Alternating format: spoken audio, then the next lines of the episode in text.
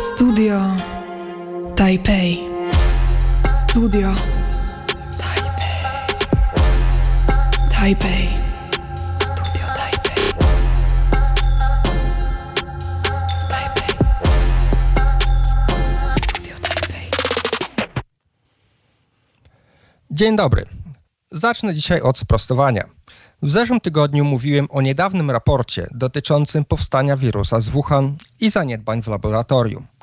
Kilka dni później kilku specjalistów językowych przedstawiło autorom raportu zarzuty dotyczące tłumaczenia dokumentów i nieznajomości przez tłumacza terminologii. Toy Raid, bo takie jest jego imię, oraz zagadnień polityki chińskiej oraz partii.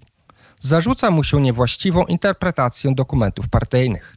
Ponadto wirusolog dr Angela Rasmussen, Rasmussen opisała dokładnie na Twitterze, w których miejscach senacki raport i artykuł z ProPublica mijają się z prawdą.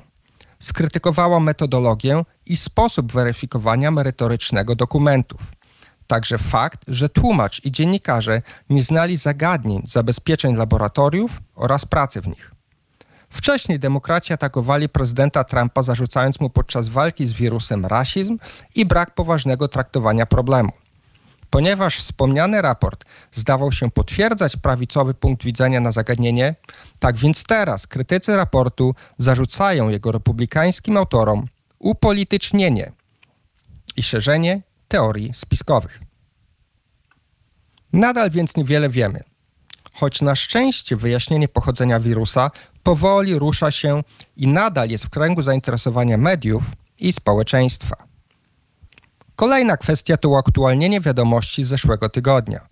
Mówiłem o kłopotach amerykańskich dyplomatów związanych z wielotygodniową kwarantanną i odosobnieniem, a także poniżającym traktowaniem przez chińskie służby.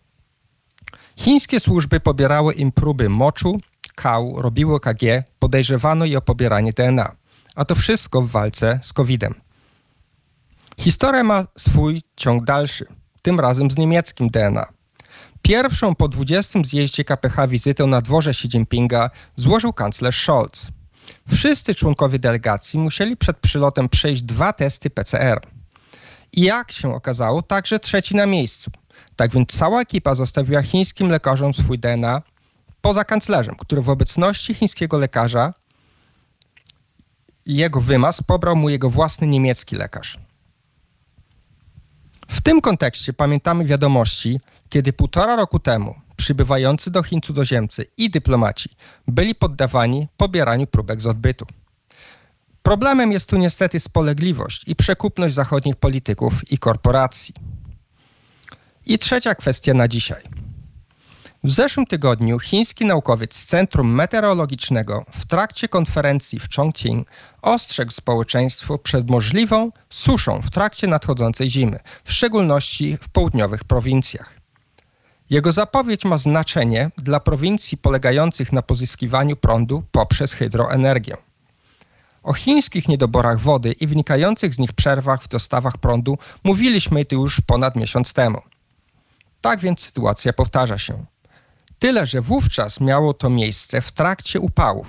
Brak wody pitnej, brak energii dla klimatyzatorów, w najgorsze od dziesięcioleci upały. Susza tego lata była najgor- to były najgorsze warunki od kilkudziesięciu lat. Niedawno temu poziom wody w rzece Yangtze spadł tak nisko, że wpłynęła do niej woda morska. Największe chińskie jezioro we wschodnich Chinach prawie wyschło.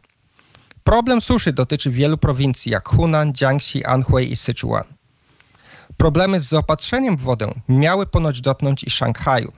Zostały jednak wyciszone ze względu na 20 zjazd KPH. Kilka liczb. Chiny to, po, to 20% populacji ludności świata i jedynie 6% zasobów wody.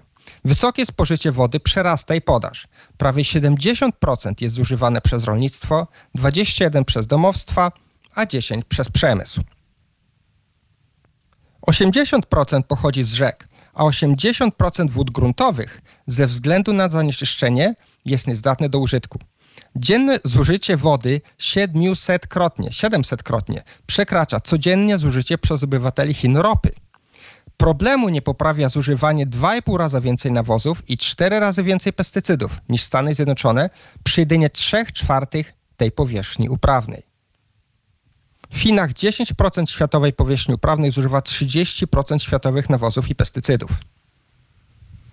Większość chińskich źródeł wody na południu jest na południu, a na północy znajdują się tereny uprawne.